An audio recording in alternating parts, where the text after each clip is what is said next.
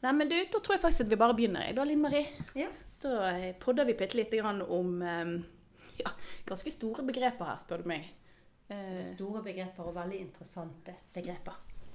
ja, for vi tenkte vi skulle snakke litt om kvalitet, eh, kvalitetsindikatorer, faktisk brukerperspektiv. Kanskje ikke brukermedvirkning, men, men satt opp i kvalitet. Også saltogenese. Altså litt sånn store begreper når du nærmest er helt ny som jordmorstudent. Liksom, Jeg skal ikke ta imot barn, og så snakker vi om dette.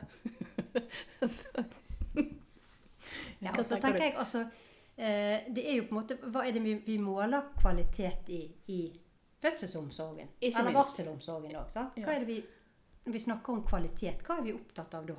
Ja, men jeg, jeg tenker liksom jeg sier at dette er sånne store begreper, så tenker jeg at man kanskje med første på en måte lytt her nå kan tenke «Ah, dette trenger vel strengt tatt ikke jeg. Jeg skal jo både jobbe på barsel og ta imot barn. Men, men at dette kanskje kan være noe som man vokser seg litt mer inn i. Altså disse begrepene og ser at ja, det er faktisk veldig viktig for å definere faget mitt likevel.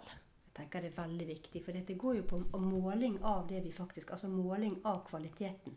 Hva er det vi måler det i, det vi gjør? Ja. Hva er målene våre, og hvordan kan vi på en måte evaluere det vi gjør? Og, og det er, jeg tenker det er en helt sånn grunnleggende ting som er veldig viktig å reflektere rundt. Ja. At vi som jobber Altså den jobben du gjør, eh, er den bra nok? Altså vi har jo våre på en måte mål for hvordan, hvordan vi skal utføre jordmoryrket når du jobber på en fødeavdeling eller en barselavdeling. Ja, sånn at Nå beveger vi oss liksom inn i begrepet kvalitet, og hva er kvalitet sett i på en måte den konteksten som vi jobber i. Da. Altså Kvalitet som begrep blir jo definert ganske likt, uavhengig av om du jobber i fødselsomsorgen versus eh, kirurgisk eh, eller onkologisk praksis. Er jo på en måte noen, eh, noen begreper som likevel er litt sånn allmenngyldige. Men når vi, når vi snakker om kvalitet i denne sammenhengen, hva, hva tenker vi egentlig at det begrepet rommer. Ja, altså Hvis vi skal sånn, definere det strengt tatt helt sånn objektivt, på en måte, så er jo kvalitet det, liksom, det forstås i hvilken grad helsetjenesten, aktiviteter og tiltak øker sannsynligheten for at enkeltpersoner og grupper i befolkningen får en ønsket helserelatert velferd. Og, og at tjenestene utøves i samsvar med dagens profesjonelle kunnskap. Ja, det, Det er den på en måte i forhold til sånn som det Kunnskapssenteret fra 2010 sier om kvalitet. Helt sånn objektivt. ja. Ja, og det er jo på en måte kanskje en litt sånn nyere måte å definere kvalitet på. For noen gang tidligere har den vært mye mer sånn strippet i forhold til altså For nå snakker vi om helserelatert velferd. Sant? Det er på en måte Før har det vært mer sånn kvalitet defineres som på en måte eh, egenskapene til, eller på en måte sånn at du kan måle det med kriterier opp eller ned. Sant? Altså at det er liksom fravær av. Men her snakker vi plutselig om velferd. Ja, altså det, det et, og det er et veldig stort begrep, på en måte. Ja. Så Det er derfor det er nødvendig å plukke det litt fra hverandre sant, når vi snakker om kvalitet. Fordi at eh, Hvis du tenker sånn tradisjonelt i fødselsomsorgen, så er det jo på en måte, altså vi er jo opptatt av at vi er jo opptatt av at, at barnet skal være friskt og, og levende når det er født. Og vi er opptatt av at mor skal være frisk og komme seg hel gjennom fødsel. Og at det skal være minst mulig komplikasjoner underveis i fødsel. Det er jo det vi er opptatt av. Og da har vi jo tradisjonelt målt det i f.eks. dette med keisersnitt. Sant? Hvor mange keisersnitt er det den klinikken har? Hvor mange vaginale fødsler er det den klinikken har? Hvor mange store rifter er det den klinikken har? Altså Det er helt objektive mål på kvalitet på det vi faktisk gjør i helsetjenesten. Ja, for du, og så nå beveger du deg liksom inn i det som, vi, som på en måte et trygt fødetilbud eh, på en måte i stor grad snakker om dette med eh, kvalitetsindikatorer. Så hvordan kan vi måle? En ting er at vi har en definisjon på kvalitet. Eh, en annen ting er at vi på en måte må For kvalitet kan jo være så mangt. Men hvordan måles kvalitet? Og det er jo et interessant perspektiv når kvalitet defineres som helserelatert velferd. Fordi at som du sa innledningsvis, så er jo det et veldig sånn stort begrep. Eh, og hva er velferd for deg, og hva er velferd for meg? Eh, og så skal vi da på en måte måle at fødselen din eller barseltiden din hadde høy kvalitet. Og da har vi kvalitetsindikatorer. Og, og hva mener vi med på en måte en kvalitetsindikator, og hvorfor er det viktig? Ja, hvorfor er det viktig? Det er jo det for at man skal på en måte kunne ha, en, ha objektive tall på noe. Sant? Man skal kunne stadfeste, man skal kunne telle opp og vise at her, her følger vi kvalitet her, her følger, altså Omsorgen vi gir, den følger en viss kvalitet. Ja. Det er jo det som er hensikten med det. da. Ja. At det sier noe om helsehjelpen er i samsvar med best tilgjengelig kunnskap, og at, og at helsehjelpen gir en helsegevinst. Og at vi skal kunne sammenligne da ulike klinikker. Sånn som medisinsk fødselsregister. Der blir det jo registrert på en rekke kvalitetsindikatorer, sånn som vi snakket om litt i sted om, om f.eks. rifter, perinealrifter grad 3-4, keisersnitt, eh, vakuum, tangforløsning. Altså For at vi skal kunne rett og slett sammenligne kvaliteten i de ulike foretakene eller ulike sykehusene. Ja, sånn at det som du sier nå, at en kvalitetsindikator er da f.eks. eh, La oss si at indikatoren sier at vi skal ha Nå bare tar jeg et sånt random tall. 16 sexio-frekvens. Over eller under det sant? Er god god eller dårlig kvalitet. Ja. Eller vi skal ha eh, 1,5 grad 4-rifter eller mindre. sant? Altså det er det du mener, at det, indikatoren sier noe om her skal standarden eller, eller eh, kriteriet være da, for, for oppnådd eh, Ja, Og det bygger på en måte på forekomsten i fødepopulasjonen. Yes. Når man ser på medisinsk eh, fødselsregister, f.eks. at man kan se på utviklingen fra 1967 da, og så frem til nå, så kan man se på forekomsten av f.eks. keisersnitt, hvis du ser på det. da. Eh, og kan man sammenligne innad i Norge, men kan også sammenligne på verdensbasis på hvordan er det i andre land. Ja. Og så må man jo alltid ta inn dette med på en måte andre forhold, som f.eks. dette hvis du tenker på eh, store fødeavdelinger, høyrisikofødeavdelinger, vil jo ha et høyere keisersnittfrekvens enn du har på lavere, altså mindre fødeenheter der eh, de har mer differensierte Seleksjonen er en helt annen. sånn at Det er mer eh, grønndifferensierte kvinner i utgangspunktet som kommer inn. Ja.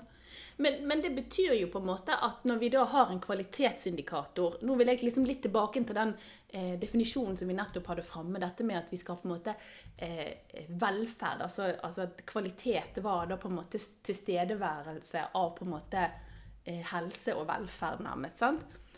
Og så snakker vi egentlig om fravær av noe. Altså, det var liksom det perspektivet der jeg synes var litt interessant. Sant? For kvaliteten da, disse kvalitetsindikatorene som vi nå løfter fram, sier noe om at vi skal ha færrest mulig store blødninger, færrest mulig store rifter, færrest mulig keisersnitt, færrest mulig dårlige barn eller barn med metabolsk acidose. Altså, ser du, hva altså bare sånne, og, det, og veldig på en måte enkelt å telle. Ja, nei, ja, nei, har, har ikke. sant?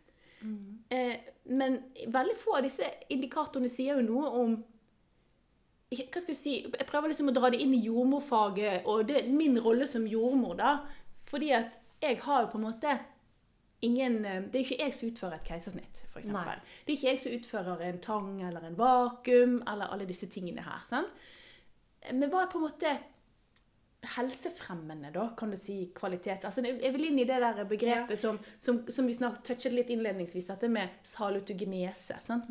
Og hva er det for noe? Og har vi, har vi kvalitetsindikatorer som på en måte sier noe om tilstedeværelse istedenfor fravær av? Ja, og det, det er veldig viktig. Vi skal komme litt tilbake til salutogenese litt seinere, tenker jeg.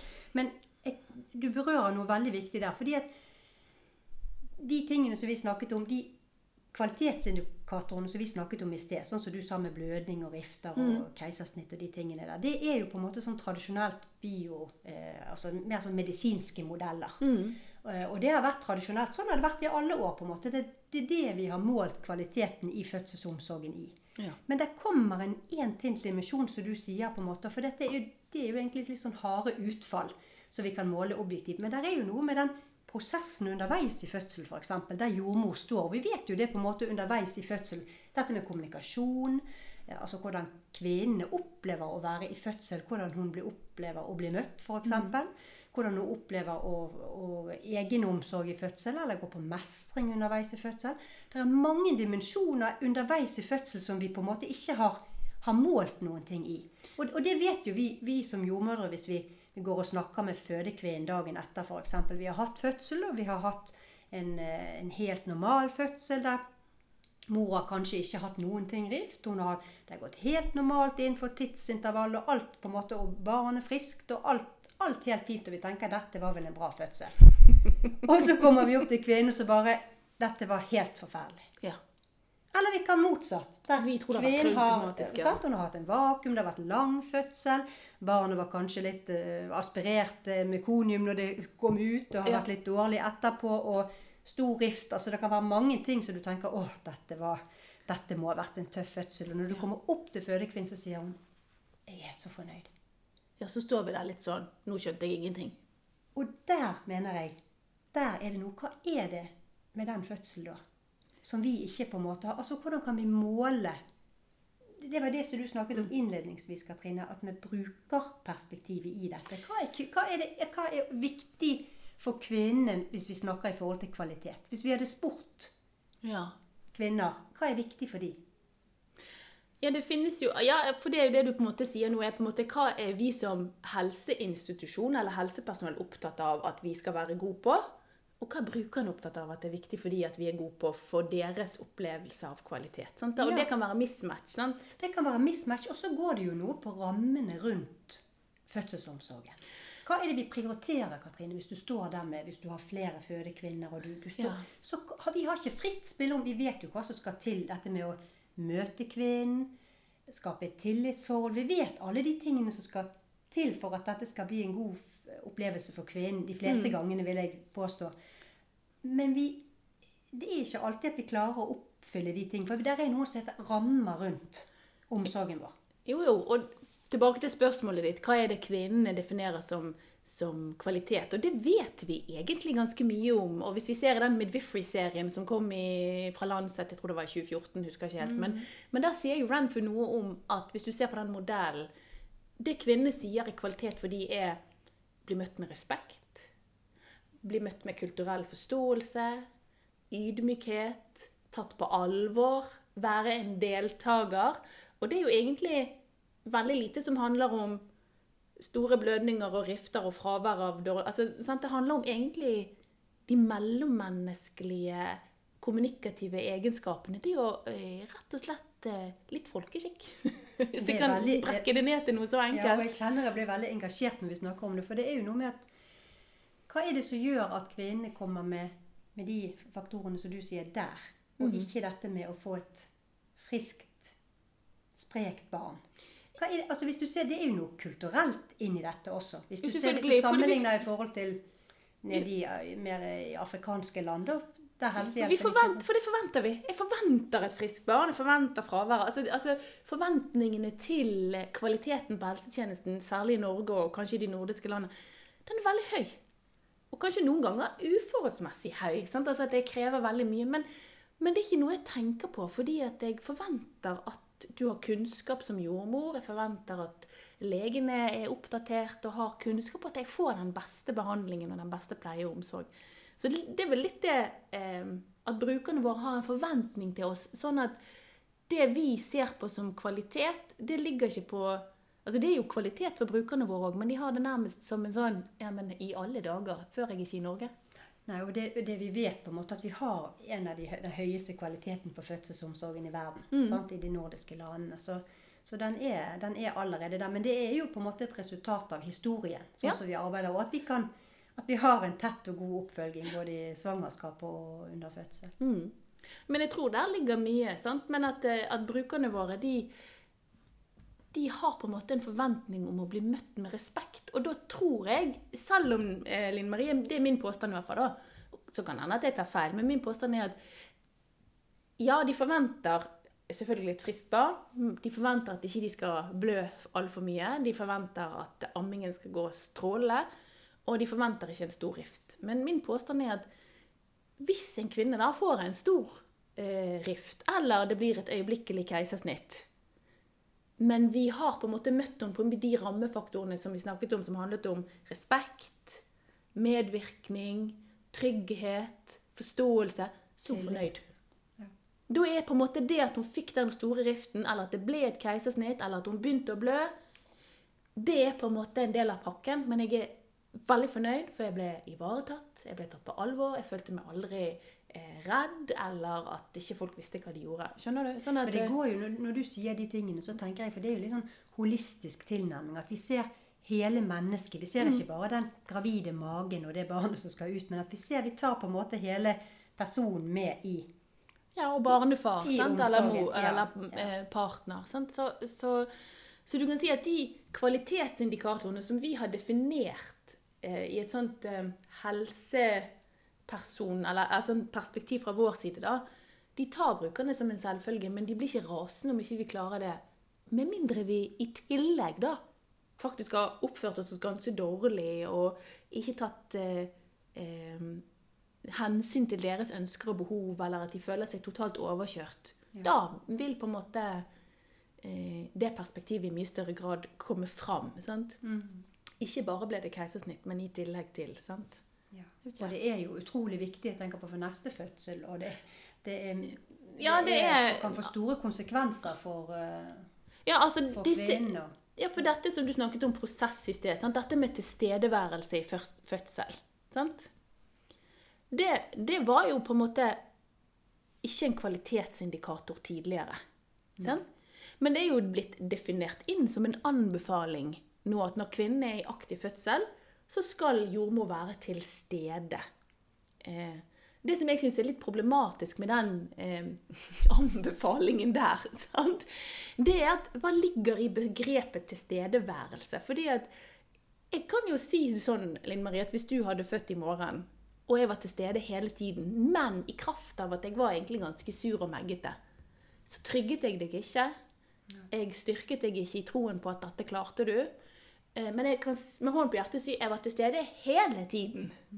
Nei, for det, det, det med til stede, det er jo en slags metafor for noe annet. på en måte. Hva er det å være til stede? Ja. Jo, det er jo å være fysisk til stede, men det er jo på en måte å, å gjøre Altså eh, bidra aktivt. Ikke, ikke aktivt, men at du, du på en måte tilfredsstiller kvinnens behov underveis. da. At Ja. du er der og Ja. Ja, At hun opplever at jeg er der for henne, men ikke nødvendigvis bare i det at jeg fysisk er til stede. Fordi at jeg kan være til stede i kraft av at jeg er tilgjengelig. Ja, nei, det er jo en overforenkling. Ja. Men det er igjen det der Hvordan skal du da kunne måle objektivt den kvaliteten? Jo, du kan måle at jordmor har vært på fødestuen i aktiv fase. Kan du på en måte markere. Ja, og så kan vi telle opp antall kvinner som har vært i aktiv fødsel. Og så kan vi se hvor mange av de hadde, hadde jordmor til stede fysisk til stede i den aktive delen av fødselen. Ja, og det er på en måte så kan vi si at vi har oppfylt det kvalitetskravet eller den anbefalingen med at ja, på denne klinikken her eller på denne fødeavdelingen her, så er jordmor alltid til stede. Check. God kvalitet. Men det er jo ikke så enkelt. Det er ikke så enkelt. Og så må man jo tenke kanskje sånn eh, i forhold til forskning og sånn, at vi som jordmødre må være flinkere til det å, å, å være kreativ og i forhold til dette med hvordan kan vi måle kvalitet? Ja. Hvordan kan vi måle kvalitet i omsorgen vår? Mm. Kan man se f.eks. Eh, på dette med fysisk tilstedeværelse i fødsel, og så kan man si det som en eksponering, og så kan man måle liksom på utfallet hvor, hvor fornøyd er kvinnen. Ja. Hvis du sier på, Eller mestring, da, hvis man kan måle mestring etter fødselen. Eh, og så se om det er det noen sammenheng der. Ja, og nå flyter du. Nå, nå beveger vi oss litt over i det som på en måte du sa vi skulle snakke mer om, dette med de salutogene kvalitetsindikatorene. Da, sant? Fordi at å måle mestring er jo langt vanskeligere enn å måle rift ja og nei. Ja, det er mer arbeidskrevende. Sant? Du må, man må spørre spørreskjema, og der er jo så der er veldig mye som kan måles helt objektivt egentlig på kvinnens mestring ved hjelp av ulike spørreskjemaer som er validerte. og Sånn som f.eks. dette med mestring, eller det kan gå på kontroll. Sånn at hvor, hvor, mye, hvordan, hvor mye opplevde de av kontroll under fødsel, eller hvor mye, hvordan opplevde de mestring underveis i fødselsforløpet? Det kan vi faktisk måle. Men det er mer arbeidskrevende, som du sier. Det er mer arbeidskrevende, men hvis du, hvis du skal se på det sånn i en sånt eh, Nå skal ikke vi se på det et- nødvendigvis i et forskningsperspektiv, Linn Marie, men i et sånt praksisperspektiv. sant? Ok, Nå skal jeg på en måte si noe om at, at kvaliteten på denne avdelingen som vi jobber på, den er høy fordi at sånn og sånn. altså At man kan på en måte telle litt. altså At, at disse kvalitetsindikatorene skal være der som en på en måte rettesnor for at det her er målet for praksisen vår. Eh, samtidig som det skal kunne brukes i forskningsøyemed òg. Og da tenker jeg at eh, f.eks.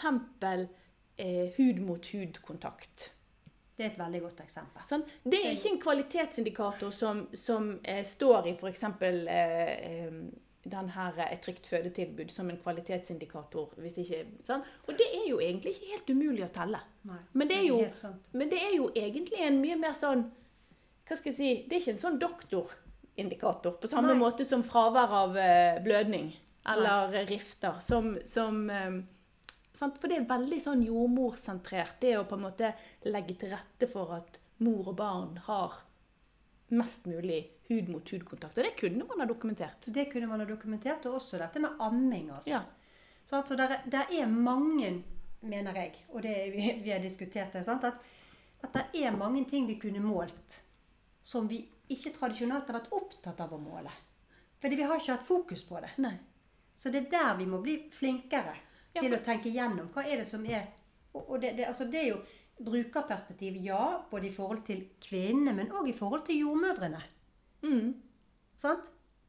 Ja, for det handler liksom om å på en måte bevisstgjøre deg sjøl på at en kvalitetsindikator ikke nødvendigvis bør på en måte si dette skal vi forebygge, sant? men eh, dette skal vi fremme. Ja. Sant? Altså, hva skal vi gjøre for å på en måte legge til rette for ammesituasjoner eller hud-mot-hud-kontakt eller eller som du sier, mestring. Altså opplevelsen av mestring. Hvordan kan, kan, man, kan man på en måte krysse av på et skjema? Følte hun mestret? Jeg vet ikke. Det, det, altså dette fødselsopplevelse, da. Det er jo et veldig sånn Du sa i sted at det er viktig at kvinner har en god fødselsopplevelse, fordi at det har en betydning for neste fødsel. Og det er helt Fremme normal fødsel neste gang, eller fremme god opplevelse av fødsel. Eller altså Jo. fremme det normale. Men jeg tror jo på det at hvis jeg har flest kvinner som går ut fra fødestuen med en positiv opplevelse, så har jeg færre som kommer på rådgivningssenter og krever keisersnitt på nummer to. Så det er jo helt klart at det er positiv helsegevinst i en god fødselsopplevelse. Ja, helt hvordan, klart. og det, jeg ville jo sagt at det var en, en, en kvalitetsindikator som var viktig å få dokumentert. Ja. Men hvordan dokumentere god fødselsopplevelse, det er veldig vanskelig. Nei, det er derfor, det, dette her er noe vi må, vi må snakke mer om. Ja. Og oss som jobber på avdelingene. Sant? Vi må snakke mer om det. Hvordan kan vi måle kvalitet på en god måte for kvinnen? Og vi må ha kvinnens stemme inn i det. Og, og, det som du snakker om nå, dette med å fremme sant? Det at de ikke kommer på Altså fremme det at de får en normal fødsel og andre gang. Ja. Sant? Ved at de får en god opplevelse første, første gang. Det er jo innenfor dette som vi så salutogenese. Sant? Ja. For det, det er på en måte altså Hvordan kan vi fremme helse? Nettopp. Og ikke forebygge, på en måte, men rett og slett fremme helse. Ja, og, det, og jeg tenker jo at em, i tiden som på en måte nå eh, har gått, og som vi har vært og jobbet som jordmødre, så ser vi jo at, at, det, er- et skifte i litt sånn hva briller vi har på oss. da. Altså at Før har vi hatt et mye mer fokus på å forebygge skade, tenke risiko, redusere risiko. Eh, Mens nå syns jeg sånn generelt egentlig kan hende at dette er litt sånn ja, følelsesmessig ja, Litt sånn usystematisk observasjon, da, men jeg syns liksom at i helsevesenet generelt, og når du ser de nye dokumentene og stortingsmeldingene, så har man et større fokus på fremming, altså det helsefremmende perspektivet, mer enn det forebyggende perspektivet. Jeg vet ikke hva du tenker om det? Jo, jeg tenker at vi er, vi er kommet mye lenger nå.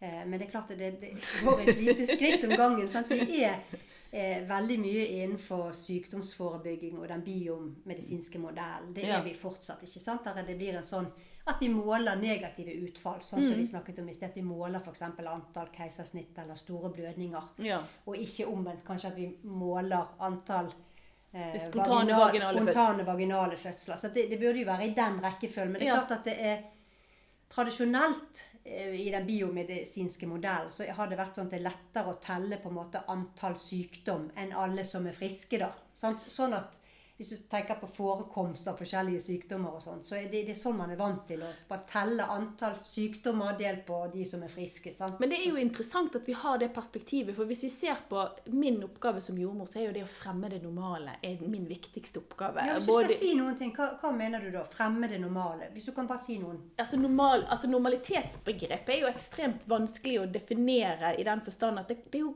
veldig kontekstuelt. Hva er normalt i Norge, og hva er normalt i Afrika, og hva er normalt i Amerika? Altså Det kommer jo litt an på hva eh, Men på en måte fremme de kanskje fysiologiske prosesser da, er bedre begrep enn å si det normale. For det hva er normalt for deg, og hva er normalt for meg, blir igjen en liten sånn La oss si det at du har setefødsel hver gang du altså nå kommer du inn som tredje gang, er det jo helt normalt for deg. Ja. men, men det er jo ikke normalt, egentlig. Sånn. Så det der med altså Det er jo egentlig å fremme eh, Når jeg sier fremme det normale, så tenker jeg mye på det at, at kvinnen styrkes i troen på at hun faktisk kan føde. Og at det kommer til å gå bra. Sant? Altså, ja. Nei, jeg er det vel og, det, og det er liksom det som jeg syns er interessant. For det, det er min oppgave, og din oppgave som jordmor. Og så er fokuset egentlig på hvor mange keisersnitt hadde vi. Når vi vet at majoriteten før jo spontant vaginalt, så er jo liksom kvalitetsindikatoren Den har egentlig nesten fokus på færrest, og ikke majoriteten. i- Altså Det er jo et interessant perspektiv. Ja. For, for da tenker jeg liksom, Hvis du skal tenke på dette med å fremme eh, fremgang i fødsel, da. Ja. hvordan kan du fremme normal fremgang i fødsel? Da Så tenker jeg, da går jo det på dette her med å, å få kvinnen til å tisse sant, underveis. Eh, få kvinnen opp, mobilisere henne, gi henne nok næring, sånn at det er nok eh, næring til at uterus, den store muskel, jobber. Eh, det går på eh, ulike stillinger for å fremme eh, be- rotasjonsbevegelsene. sant? eh, altså det, det er mange ting vi gjør for å fremme at fødsel går fremover. Men vi kunne jo også si at vi gjør disse tingene for å hindre at det blir Keisersnitt, ja. Eller for å hindre at det blir eh, langsom fremgang eller protrahert forløp. ja. Men, men vi gjør det jo for å fremme. Så det er det med, det med salutogenese at det på en måte at det, liksom, det er en litt sånn riktigere måte. Det er omvendt av det vi egentlig er vant til i den biomedisinske modellen. At nå tenker vi mer på en måte altså, frem, Hvordan kan vi fremme helse?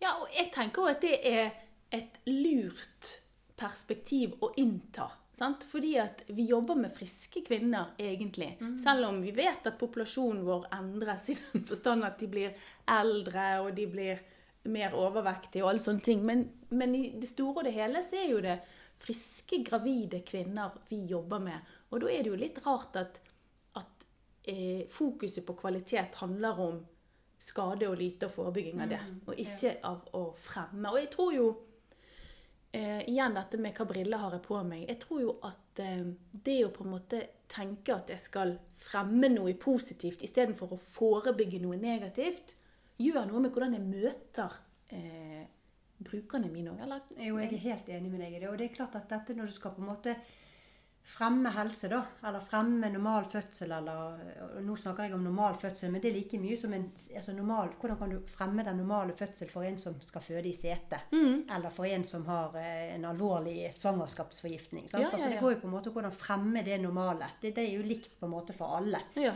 uavhengig av hva du har. Ehm, og da tenker jeg at da, da blir, er du jo opptatt av på en måte å, å få kvinnen med på det. Så det blir en mer sånn bottom up-tilnærming enn den mer biomedisinske modellen der du går liksom ovenfra og ned, og jeg er, spes jeg er spesialisten og vet hva som skal, skal til her. Å, men at du er liksom mer opptatt av i den helsefremmende vinklingen, at du er mer opptatt av brukerens perspektiv også. Ja, og så kanskje en liten sånn sidespor fra min side her nå, men, men også dette med eh, hvordan synet ditt på de ulike tingene er. da. For Hvis jeg kan bruke meg sjøl som et eksempel som Det er ganske stor forskjell på meg i dag som jordmor og den eh, jordmorstudenten jeg en gang var. sant? Eh, for vi snakker jo om det at vi skal fremme progresjon i fødselen. Og det å ha fødselssmerter og rier, det er jo på en måte en nødvendighet for å få progresjon. Så det betyr jo at fødselssmerte eller, eller rier, det må vi ha hvis vi skal på en måte få en spontan vaginal fødsel. Og når jeg var i praksis som jordmorstudent, så kom jeg fra en kirurgisk, onkologisk post. Der smerte var ekstremt negativt. Og det måtte lindres. Og egentlig ikke bare lindres, den skulle tas helt bort. Og mitt fokus i, som, som helt ny jordmorstudent var egentlig hun må få noe. Altså, dette er jo helt eh, patologisk. Altså, jeg hadde kun de brillene på smerte på meg som handlet om at smerte er negativt. Og det gjorde mye. Det brukte veldig lang tid før jeg egentlig på en måte kunne tåle sjøl å stå i det at å ja, hun skal skrike litt, og det skal være vondt. og det sant? Altså, Å jobbe med seg selv, da, kan du si. Jeg Ja, jeg tenker det er, det er viktige ting. Du, du, du bringer inn den erfaringen du bringer inn nå, syns jeg. Og, eh, men, men så tenker jeg igjen, når du forteller det, Katrin, så tenker jeg òg at hva, er kvinnen? Hen er kvinnen i forhold til det med fødselssmerter. Ja. Hva er kvinnens forventning inn mot det? Eh, Og det er der jeg tenker, er det, Hvis vi da snakker om dette med fødselssmerter og sånt som noe negativt, eller noe Og hvordan klarer du å stå i det, eller Mm. Eller klarer vi å vri det på en sånn måte at dette Å, nå kommer jeg inn, så flott. Nå skal du jobbe, og nå skal, du, nå skal Ja. jeg jobbe sammen med deg her. Og nå skal jeg si hva som skal til, så skal jeg hjelpe deg, sånn at du Nettopp. hjelpe deg til å takle dette. At det blir en, sånn positiv Og det var vel det du mente? sant? Ja, det var liksom at det, som på en måte jeg gikk fra et veldig negativt eh, ståsted. Og det var litt det med å på en måte eksemplifisere hva briller har du på deg i forhold til å se på noe med det negative versus det positive fortegnet. Og da er smert, fødselssmerte veldig enkelt. sant? Det Så- er et godt eksempel. Og så skal ikke jeg på en måte forherlige eh, fødselssmerte og si at eh, det er på en måte Jeg tror at for mange kvinner så vil det være en provokasjon hvis jeg nærmest skal si at eh, eh, du, at du skal tåle din smerte, og det er på en måte positivt. Men vi skal, hvis vi kan på en måte Dette er bare mine tanker, men hvis du kan se på smerte i et sånt evolusjonsperspektiv, da, så er det på en måte det å gi uttrykk for at du har smerte i fødsel, betyr jo at jeg trenger å ha noen hos meg og hjelpe meg. Sant? Altså, og ikke stå og føde alene. Altså, hvis du skal se Og det går jo òg på dette, altså dette med å på en måte altså, gi uttrykk for at dette er helt normalt. Dette Mm. er sånn det skal være.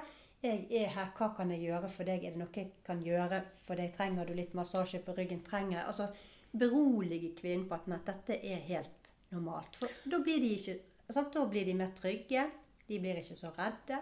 De takler smerten mye bedre. Men det der som du sa i sted, med å på en måte ha det positive fortegnet, eh, er utrolig viktig, og jeg er helt enig med deg i det. Og, og på en måte si noe om at eh, ja, det er vondt. Altså ikke på en måte late som ikke det er vondt, men si eh, det er vondt. Eh, men jeg skal være her.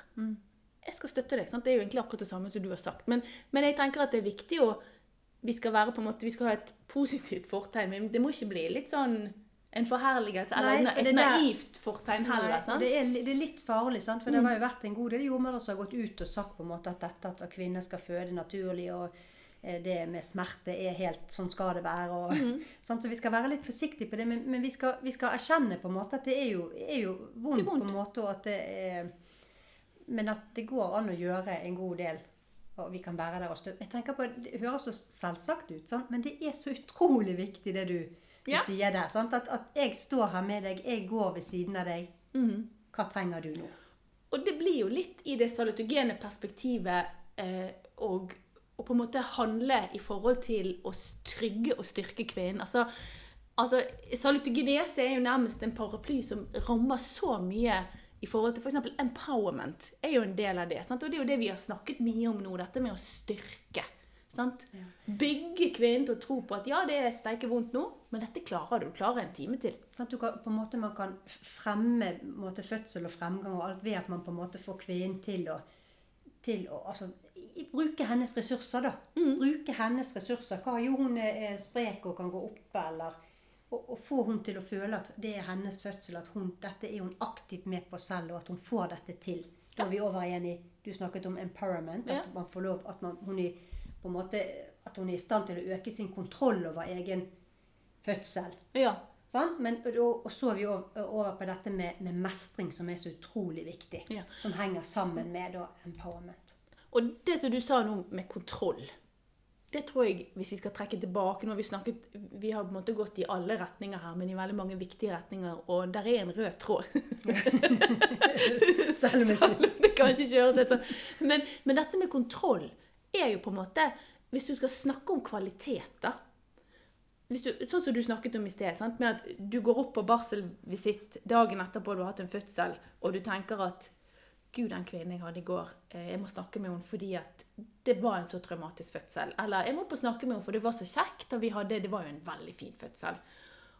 Og så får du på en måte fra hun som du trodde skulle være misfornøyd, en veldig positiv tilbakemelding, og den andre er negativ. Og det handler jo veldig ofte om kontroll, eller fravær av kontroll og mestring. Helt riktig. At de, at de kjenner på at de har Jeg mistet det. Det var ingen som støttet meg på at eh, Mens den som på en måte da har hatt en traumatisk opplevelse, vil gjerne si Ja, men du var der hele tiden. Jeg skjønte hva dere gjorde. Dere ga meg informasjon. Jeg var trygg på. Sant? Og vi på en måte Hun mestret. Jeg var trygg på at de ressursene jeg hadde, ville blitt tatt i bruk.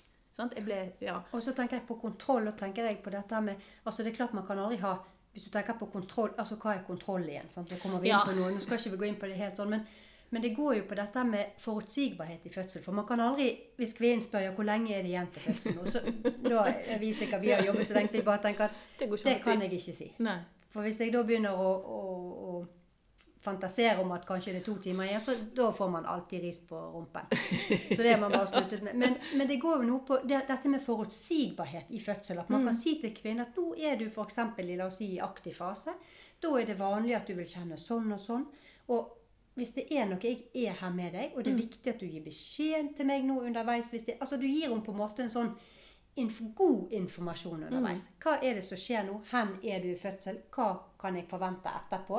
Og det er ikke sikkert at det blir sånn, men du kan si på en måte enten sånn eller sånn eller sånn. Det vet vi ikke nå. Nei. Det er jo òg litt å egentlig gi kvinnen følelsen av å ha kontroll med å gi informasjon om at det, det kan man ikke helt vite. Ja, og det er jo veldig mange kvinner, og ikke minst partnere, som syns det er veldig frustrerende. Dette her er fravær av forutsigbarhet i fødselsarbeidet. Sant? Fordi at jeg kan godt forholde meg, hvis jeg skal ha det sånn som dette her, eh, hvis jeg kan eh, vite at jeg skal ha det sånn i to timer, det kan jeg takle. Men eh, to, åtte, tolv, 24 Hva er på en måte tidsrammen? Og det som du sier, det er som å spå i kaffekrutt. Ja, det Eh, Det kan vi ikke si, men det gjør jo noe med de begrepene som vi har snakket om her nå. Kontroll, empowerment, mestring. Se på på en måte den situasjonen som noe positivt, og at her vil det. Absolutt. Og så tenker jeg når vi snakker om det altså det går jo, Hvis man da sier La oss si at de er kanskje på 8 cm da, og er liksom på det mest hektiske, så går det jo an på en måte å si at nå undersøker vi deg nå om en times tid igjen. Sånn at det er noe med at ok, da er det én time. Selv om ikke fødselen er ferdig på den timen, så er det noe med at da vet kvinnen at da er det én time nå, og så gjør vi noe nytt. Og akkurat de avtalene der tror jeg er veldig, veldig viktig. At det er med på å speile fødselsopplevelsen og opplevelsen av kvalitet og bli ivaretatt. Det at ja, men vi gjorde avtaler, og ikke minst, de ble opprettholdt. Ja. For For, for det det- er en forutsigbarhet for kvinnen. Det, og det er den måten vi som jordmødre kan gi kvinnen en følelse av kontroll. At hun er faktisk med på dette, og at man ikke bare sier at nå gjør vi en ny undersøkelse om én time, men at jeg foreslår at vi gjør en ny undersøkelse om én time, og så diskuterer vi da hva tenker du om det. Mm, Og at kvinnen får være med på en måte, og er hun enig, ja, da er dette noe vi er blitt enige om. At vi tar henne med på underveis, altså. Det er veldig viktig. Ja, det tenker jeg er viktig. Og så tenker i de situasjonene der, Vi har jo begge to vært i, i samtaler med kvinner som i ettertid har sagt at de har vært misfornøyde.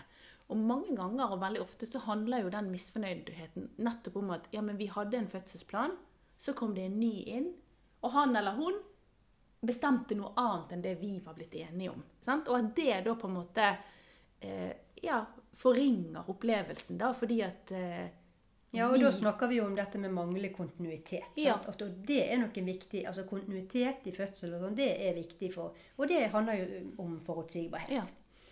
Så det er klart det, det er viktig. Men hva tenker du nå da, eh, Linn Marie? Nå har vi snakket om utrolig mange eh, store Jo, det var ett begrep jeg egentlig hadde litt lyst til at vi skulle snakke om. Når vi først snakket om dette her, om helsefremming og salutogene kvalitetsindikatorer. Og på en måte det å på en måte legge til rette for at det positive utfallet skal skje. For vi har også et begrep som vi snakker om innenfor vårt fag, eller innenfor helsefaget generelt, og det er såkalte helsedeterminanter. Og det tenker jeg at det er et litt viktig begrep når vi nå snakker om kvalitet. Hva tenker jeg? Ja, for helsedeterminanter, det er jo, på, det er jo et ganske nytt begrep. Jo, men det danner jo litt premissene for på en måte utfallet noen ganger, tenker jeg. At noen ganger så kan vi si, Linn Marie, at vi nesten har tapt før vi har begynt. Ja. Hvis vi skal fremme den. Altså det, det er litt sånn sløkket å si, men, men du skjønner hvor jeg vil, Ja, sant? og det er jo Helsedeterminanter er jo bestemmelsesfaktorer for helse. Ja. Så hva er det som bestemmer på en måte helsen, eller hva som bestemmer fødsel, u- fødselsforløpet? Og da er det jo på en måte Altså det er både personlige, sosiale, økonomiske og miljømessige faktorer som er bestemmende for den enkelte det enkelte individ eller for populasjonens helsetilstand. Og hvis vi da tenker på kvinnen som kommer inn og møter oss, Ja. så er det litt dette altså hvordan, Hvis du tenker på det, det fysiske, det psykiske, eh, mentale sant? Og, og hva har hun med seg i sekken? Sant? Det, det, det er så mye på en måte som virker inn på hvordan den enkelte kvinne takler fødselen sin. Nettopp. For, for vi har jo på en måte noen helsedeterminanter som på en måte eh, vi ikke kan gjøre så veldig mye med.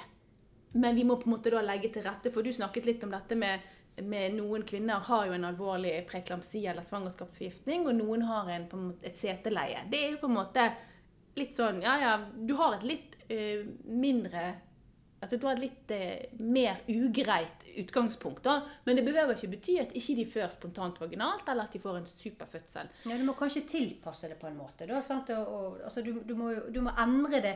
Du må endre egentlig omsorgen din etter kvinnens tilstand. Og det er jo det jeg tenker at vi må være litt fokusert på. det at eh, De tiltakene vi iverksetter i fødsel Nå har vi snakket om tilstedeværelse i fødsel. Ja, men denne kvinnen trenger denne tilstedeværelsen. Denne kvinnen trenger denne formen for tilstedeværelse. Og du må legge til rette for For, for vi har jo noen determinanter som vi tenker Førstegangsfødende 38 år, BMI 38. Sånn? Ja, Det er jo to determinanter der som er litt sånn Ja, det er egentlig tre. Det å være førstegangsfødende er litt mer komplisert enn andre gang.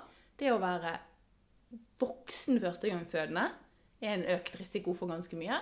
Og det å ha en høy BMI er jo også på en måte Men hun kan føde helt normalt, det er ikke det jeg mener. Men, men vi har noen på en måte premisser her som Det er det vi har. Og så kan du tenke på en måte, du kan jo komme inn eh, en ressurssterk, høyt utdannet kvinne. Hatt et helt normalt svangerskap og har partneren sin med. Det er god kommunikasjon mellom kvinnen og partneren. Og du bare er til stede på en måte. Og så kanskje kvinnen ønsker egentlig at, at vi skal gå heller mer inn og ut, og ikke jeg skal være der hele tiden. Sant? Så må man tilpasse det til det. Og så har du kanskje en som er førstegangsfødende, eh, ikke partner med, sant? helt alene. Eh, røyker altså du har på en måte Der du kanskje må gå inn og ha en mye mer aktiv rolle og, og være sant? men det, du, ja, men det du sier, eller det vi snakker om her nå, er jo egentlig det som er liksom, jeg tenker er litt sånn alfa og omega i faget vårt. Det å gjøre en skikkelig god anamnese. Kjempeviktig. Sant? Og det går jo sånn at du kartlegger kvinnens ressurser. Ja. Sant? Først og fremst, altså, hva, er, hva er ressursene til denne enkelte kvinne Mm. i det hun kommer inn? sant? Ja, og da på en måte går vi igjen tilbake igjen på eh, det helsefremmende. Vi ser på hvilke ressurser har hun, hva kan jeg styrke henne på for å bli bedre, istedenfor Ja. å si hun har det, hun har det, hun har det, hun har det. Eh, det var nå veldig det var nå veldig tosje. Dette kommer ikke til å gå så bra. Men at du har fokus på de på en måte iboende egenskapene som sørger for at hun faktisk eh, får det til. Helt klart. Og det, det er en kjempe, kjempeviktig vinkling av det. Mm. At du kartlegger kvinnens ressurser. Ja, Greit, hun har noe som drar ned, men hun, dette er hun jo sinnssykt god på. Da tar vi utgangspunkt i det, istedenfor å Ja, for det er jo, Man kan jo på en måte når du kommer inn og så ja, dette er en preeklamsi. Ja. Dette er en preeklamsi, eller dette er et sete som kommer inn. Ja, vi Men altså, det er jo kvinnen på en måte med sine Hva er de iboende ressursene her, og hva kan vi bruke underveis i fødsel? Det er klart hun, hun har en svangerskapsforgiftning. Ja, den må vi passe på. Det er veldig viktig. Vi må gjøre sånn og sånn. Men det, hun skal jo gjennom fødsel fordi om hun har svangerskapsforgiftning. Og akkurat det som du sier der, er jo litt sånn kulturelt betinget. Og der er det jo vi som helsepersonell som må skjerpe oss litt. For vi har en lei tendens. Hun det der preklamptikeren preklamtikeren og tvillingen er på stue åtte og, Ja. og sete på stue tre. Ja, hun er heter jo noe, og hun er jo en person.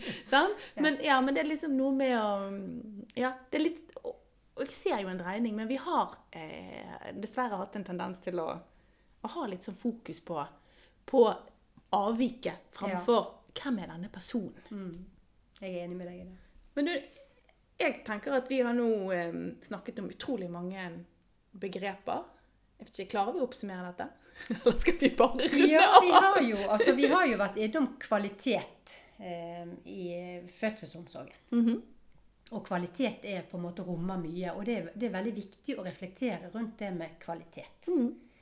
Og så har vi vært innom eh, salutogenese, sant? Vi har ikke gått inn i detalj på en måte. Det må de studentene lese seg opp på. Og så tenker jeg at Eva Langeland har jo en god forelesning der om Mm. salutogenese, så det kan de, kan de se litt nærmere på der. Men vi har vært inne på en måte hva er det salutogenese rommer. Ja. Hva, er fokus når vi snakker om salutogenese og helse, helsefremming? Det, for det er viktige begreper inn i fødselsomsorgen. Sant? ja, og hvis, hvis vi kan oppsummere kanskje litt sånn Rett og slett litt kort. og kan, ikke, Det er ikke meningen å dette, redusere dette til noe mindre enn det det er. For det er, gans, det er veldig veldig viktig, det vi har snakket om. Men, men egentlig å investere i den gravide.